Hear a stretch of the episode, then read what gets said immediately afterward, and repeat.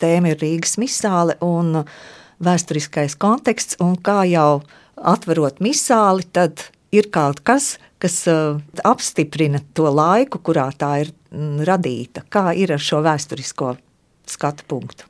Jā, Rīgas misāle ir īpaša. Eh, tas ir pilnīgi nenoliedzami.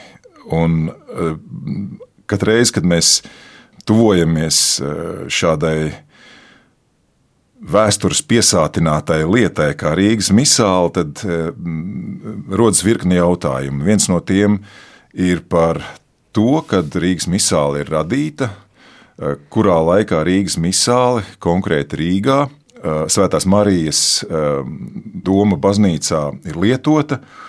Un mums ir vairāk pieturas punkti pašā šajā dokumentā vai šajā liturģiskajā tekstā. Un proti, atverot grāmatu, mēs Pirmais, ko ieraugām, mēs ieraugām kalendāru, ar ko sāks eh, Rīgas misāla. Mm, kalendārā ir fiksēti tie svētie, kuri Rīgas eh, arhidiecēzē, jeb Rīgas baznīcā, tika godāti. Īpaši godāti, acīm redzot, jau Rīgas doma baznīcā un Rīgas doma baznīcā svinētajā liturģijā. Un cits starpā mēs ieraugām vairākus ļoti interesantus uh, ierakstus. Un, eh, proti, tie ir eh, piemiņas ieraksti, kas ir veltīti vairākiem Rīgas eh, arhibīskapiem un diviem domkungiem. Kopā tā tad pieci ieraksti, mazas, īsas rindiņas, kas ir fiksētas ar ļoti atšķirīgu tinti, smalkiem, maziem burtiņiem. Un, proti, ļoti interesanti redzēt, ka senākais no šiem ierakstiem ir datēts ar 1424. gadu, proti, tas ir Johannes Ambundī. Rīgas arhibīskapa miršanas gads, un jaunākais ir datēts ar 1484. gadu, proti oktobri, kad esot miris eh, Gregorijus Hollands, eh, Rīgas eh, doma baznīcas prāvests. Nu, katrā ziņā runa ir par ļoti augstu Livonijas garīdzniecību, un jautājums ir pirmkārt, kā šīs, šie ieraksti korelējas vai kā tie sadar kopā ar pašu misāli, tās lietošanas laiku un vēsturisko kontekstu. Ko tie mums pasaka šie ieraksti par tiem notikumiem, kas risinājās visapkārt, gan Livonijā, gan Rīgā, apkārt Doma baznīcai un pašā Doma baznīcā, un e, kādi tad ir šajos ierakstos pieminēto un liturģiski atcerēto, ja šeit ir runa par acīm redzot, tātad liturģisko piemiņu, Un kāda ir šo cilvēku loma bijusi, acīm redzot, 15. gadsimta pašā nogalē? Jo nenoliedzami ir tas, ka pati misāla tika radīta apmēram 60. gados, 15. gadsimta, un tas intensīvākais šīs misālas lietošanas laiks varētu būt tieši 15. gadsimta nogali, jo tieši ar 15. gadsimta nogali mēs varam datēt šo ierakstu rašanās laiku. Patiesībā ir vērts pievērsties šo cilvēku vārdiem. Tas viens ir Hennings Šarpenbergs, eh, otrs ir Silvestris Stodevešers.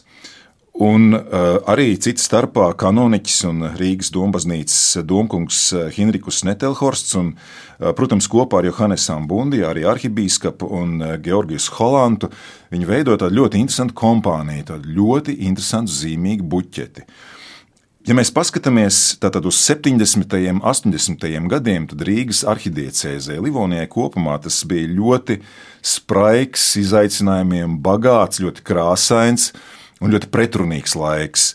Jo tieši tajos 1420. 23. un 24. gads aizsāks tas, kad Rīgas dūmu kapitulam un arī arhibīskapam izdevās lēnām un pamazītiņām atbrīvoties no tā, es teiktu tā, ļoti ciešā vācu ordeņa Livonijā tvēriena.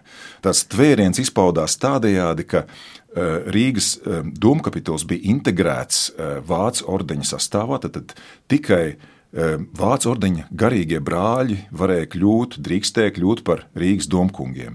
Un savukārt Rīgas Eh, arhibīskaps, jā, eh, tā bija ļoti eh, svarīga un iekārota pozīcija, un tieši uz to cerēja lūk, Vācu ordenis, kurš gribēja tajā redzēt savu cilvēku. Un ar Johannesam Bundī notika, varētu teikt, tāds politisks pārpratums, jo Johannes Sambundī nebūtu nebija tas, kandidāts, kuru Vācu ordenis būtu gribējis redzēt šajā vietā. Bet nu, bija noticis tā, kā bija noticis. Abu pušu starpā bija dažādas, ļoti smalkas un diplomātiskas pārunas, ka abi ieturējis pieklājīgu distanci viens iepratī otram. Taču laika gaitā Johannesam Bundī, es teiktu, tā, tā, ar tādiem ļoti maigiem līdzekļiem izdevās aizvien vairāk un vairāk atvirzīt no sevis un no domkapitula nu, teiksim, tā, šo uzmācīgo draudzību un mīlestību, kuru visu laiku Vācu ordenis, protams, varas eh, dēļ un ietekmes dēļ pauda iepratī šo tātad, institūciju piederīgajiem domkapitulu brāļiem un attiecīgi arhibīskapam. Un šī neatkarība, kuru izdevās atjaunot un izveidot tieši Johannesam Bundī laikā, bija acīm redzot tas iemesls, kāpēc vēlāk Johannesam Bundī tiek veltīts šis piemiņas ieraksts. Tad viņš bija svarīgs lūk, šīs atkal atjaunotās un atjaunojamās un stiprināmās korporatīvās un es teiktu arī institucionālās identitātes atjaunošanā, kas bija tik ļoti svarīga Rīgas eh, domu eh, kapitulam un eh, Rīgas arhibīskapam. Protams, līdz ar to Johannes Sambundī nebūtu nebija tas labākais tēls, kā par viņu izteicās, tad vēlāk attiecīgi e, vācu ordeņa piedarīgie.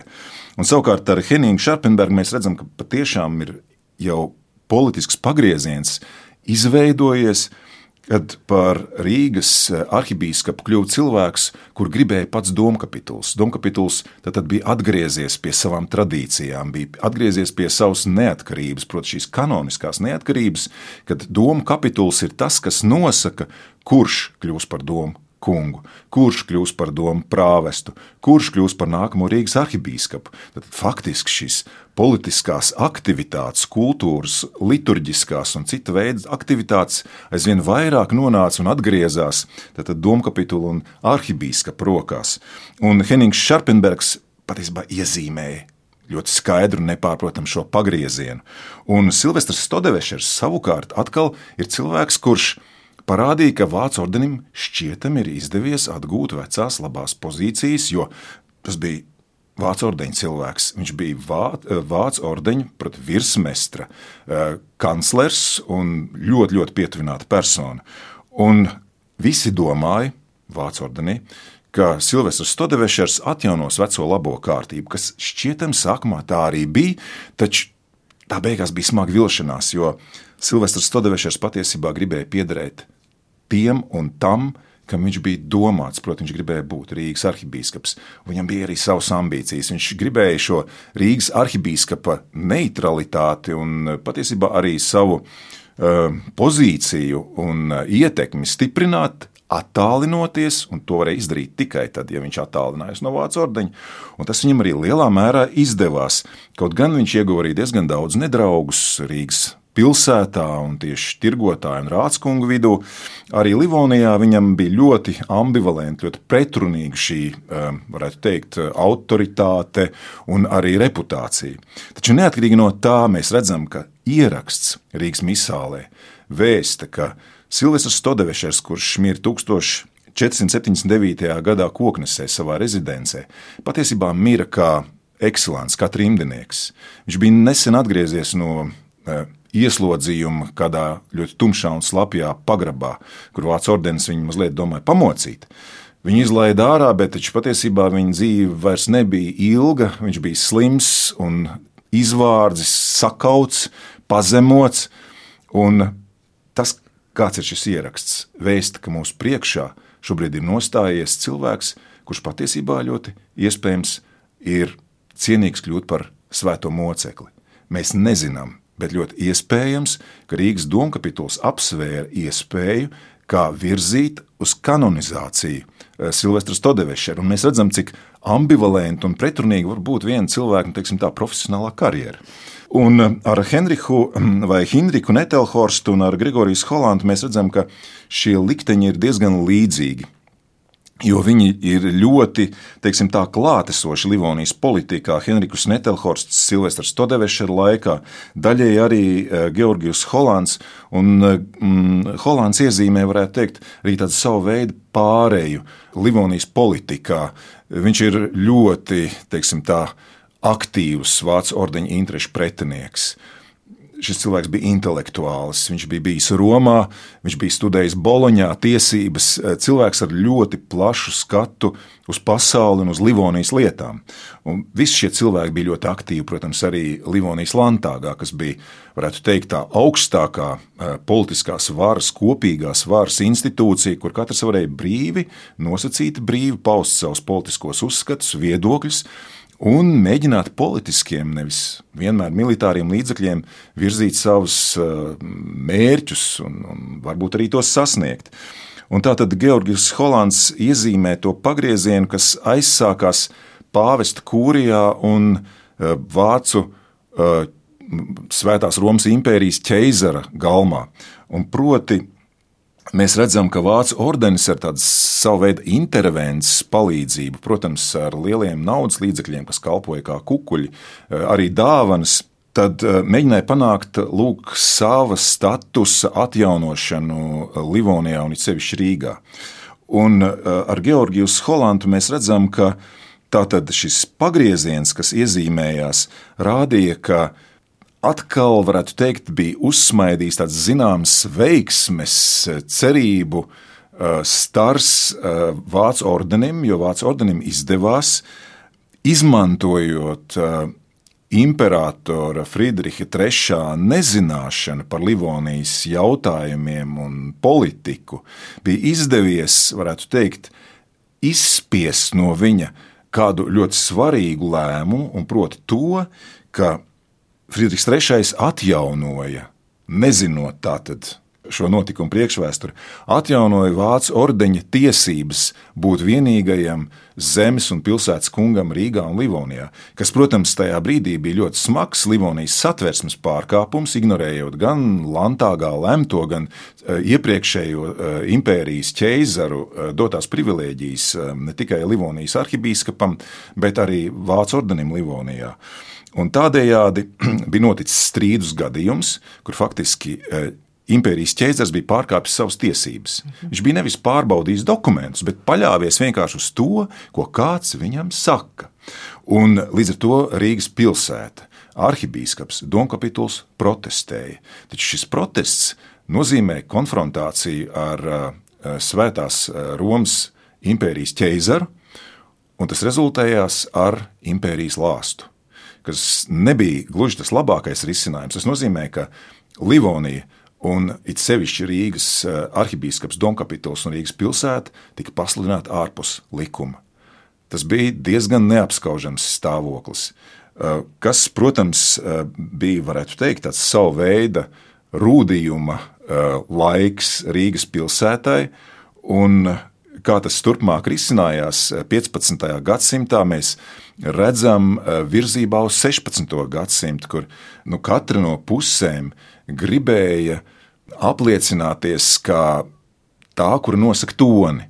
Gan Rīgas pilsoņi no vienas puses, gan arhibīskaps ar domu kapitulu eh, turpat blakus, un tad vēl eh, Vācu ordenis. Un šajā laikā, ja mēs redzam, uz skatuves jau bija uznācis Walters no Pletenbergas, kurš, varētu teikt, bija tāda jauna, uzlēcošā politikas zvaigzne Livonijā. Taču mēs ļoti labi arī redzam to, ka Walters no Pletenbergas bija arī ārkārtīgi piesardzīgs, jo viņš zināja, ka te nevar tā pārāk eh, kacināt un kaitināt. Nu, runa ir jau par 90. 15. gadsimta gadiem un 16. gadsimta pašu sākumu. Tad mēs šeit redzam, ka misāle ir ieraksti eh, kalendārā atspoguļo iespējams vienu ļoti smagu eh, politisku, un es pat teiktu tā arī kultūras un mentālu krīzi Livonijā, kas nenoliedzami ir viens no spilgtākajiem periodiem, manuprāt, ļoti bagātajā, ļoti intensīvajā un blīvajā, es teiktu tā, šodienas Latvijas vēsturē, nesenā pagātnē, jo viduslaiki tas ir, es teikšu tā, tepat ap stūri. Tātad tas galvenais ir tie centieni attālināties no vācu ordeņa, bet tas ir bijis diezgan sarežģīti. Tomēr. Tieši tā, jo saistošie abām pusēm bija pāvesta kūrijā pieņemtie lēmumi. Un e, tā situācija bija tāda, ka pāvesta kurijā tieši 14. gadsimta 70. un 80. gados pāvests un kardināli bija pieņēmuši lēmumus, kas nebija gluži Rīgas domkapitula un Rīgas arhibīskapa interesēs, proti Vācu ordenim ar dažādu diplomātisku līdzekļu, no tiem, starp citu, arī kukuļošanas paņēmieniem, bija izdevies lūk, noskaņot pāvestu kūriju sev labvēlīgi un faktiski sagrozīt tātad, Livonijas baznīcas satversmi, liekot pieņemt vācu ordeni kā tādu, kuram ir kaut kādas īpašas tiesības īpašas tiesības eh, uz eh, vietām, domkungu vietām, eh, domkapitulā, respektīvi, domkapitulam tika atņemtas tiesības pašam lemt par to, kāda būs gan iekšējā satversme, gan arī tie kandidāti, kurus viņi vēlas. Jebkurā gadījumā tā bija cīņa par politisku ietekmi un par varu. Un tātad šie pāvesta kūrijā pieņemtie dokumenti bija saistoši abām pusēm. Gribi, negribi arī mm, domkapitulam 90. 14. gadsimta gados notika pagrieziens, kas atkal jau rādīja, ka pāvesta kūrijā ir citi noskaņojumi, eh, cita izpratne par to, kā vajadzētu eh, veidoties eh, Livonijas baznīcas tādai autonomai, no vācu ordeņa neatkarīgai dzīvei. Un savukārt 15. gadsimts rāda, ka lūk, ar šiem pāvesta kūrijā un arī ķeizara galmā pieņemtajiem lēmumiem, kas bija diezgan pretrunīgi vienā otrā gadījumā. Tik dažādi izmantoti. Protams, Vācu ordenis, lai savas ambīcijas īstenotu, lai savu, savas politiskās intereses realizētu, izmantoja lūk sev eh, tās labvēlīgās eh, nu, teiksim, tā, intonācijas un labvēlīgos lēmumus, kas bija pāvesta kūrijā vai ķēzara galmā pieņemti un publicēti. Un otrādi savukārt šajā sacensībā uh, tos labvēlīgos, sev labvēlīgos izmantoja Lūk, Domkapituls un Rīgas arhibīskaps, lai savukārt šo savu pozīciju stiprinātu. Jebkurā gadījumā, nu, manuprāt, tas ir tiešām uh, vairāk kā simts gadu garumā uh, ļoti interesants, intensīvs laiks, kur nebūtu nav tā, kurš kuru uzvarēs nu, tā neatgriezeniski, nu, piemēram, kad Vācu ordenis pārstātu būt uh, klāt visos Livonijas notikumos, un ka, kā bieži vien jau runājam, mums vajadzētu to Vācu ordeni vispār patriekt no Livonijas. Tā politiskajā retorikā šādas uh, balsis uh, un šādi formulējumi pat arī izskanēja. Taču visi zināja, tā ir tikai spēle, jo Vācu ordenis bija nepieciešams.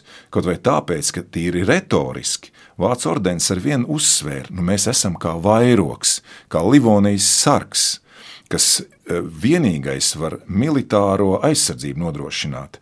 E, Tanīpat laikā, lūk, šajos pašos 1480. gados situācija bija kāda, kad Vācu ordenis e, ļoti intensīvi komunicēja ar Maskavas lielkņazu.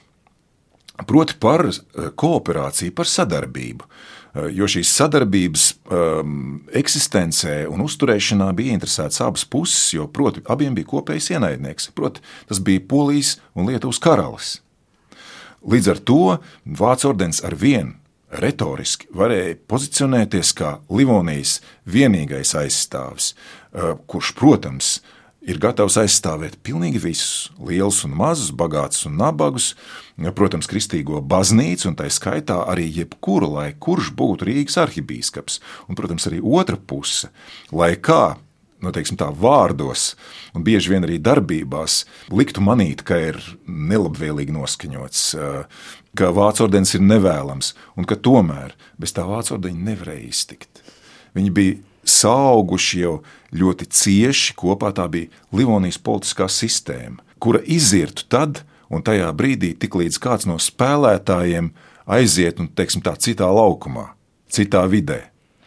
Tā tad var to nozīmīgumu arī uzsvērt tā, ka Rīgas misāli ir ne tikai senā mūzikas liecība un arī reliģijas vēstures liecība, bet tā ir arī politiska liecība. Jebkurā gadījumā, jo būsim godīgi, un arī atklāti pret tām liecībām, kuras laiks mums ir ļāvis šodien ieraudzīt un eh, būt arī teiksim, tā, pieskāriena attālumā līdz šīm lietām, tad um, visas šīs tekstuālās, priekšmetiskās liecības rada sociālas attiecības.